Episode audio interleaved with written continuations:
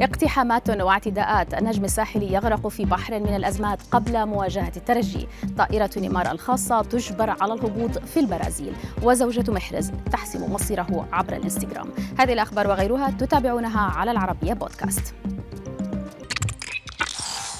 نبدأ أخبارنا من مدينة سوسة التونسية معقل النجم الساحلي وحالة التوتر والغضب التي سيطرت على مواقع التواصل الاجتماعي بعد إعلان استقالة رئيس النادي ماهر القروي إثر تعرضه لعنف لفظي وجسدي من قبل بعض أنصار الفريق يوم أمس الاثنين بعد اقتحام ميران الفريق والاعتداء أيضا على بعض اللاعبين ومجموعة من المسؤولين على خلفية النتائج السلبية للفريق في الفترة الأخيرة وهو ذات السبب الذي دفع المدير الفني للفريق الفريق معز القزاح للاستقالة أيضا قبل ساعات من الحادث. يأتي ذلك كله قبل جولتين من نهاية مرحلة التتويج بالدوري التونسي واستعداد النجم الساحلي لخوض مباراة مهمة الخميس ضد غريمه التقليدي الترجي ننتقل الآن إلى تايلر ووردز زوجة الدولي الجزائري رياض محرز التي حسمت مستقبله عبر الإنستغرام من خلال التلميح باستمراره مع مانشستر سيتي الإنجليزي.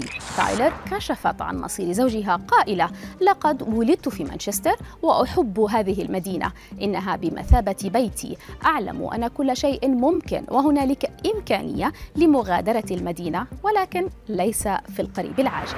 يذكر أن محرز سيكون لاعبا حرا بداية صيف 2023 وحتى اللحظة لم يتم حسم مفاوضات تجديد عقده مع مانشستر سيتي. تعرضت طائرة نيمار دا سيلفا لاعب باريس سان جيرمان الفرنسي لهبوط اضطراري مفاجئ في شمال شرق البرازيل.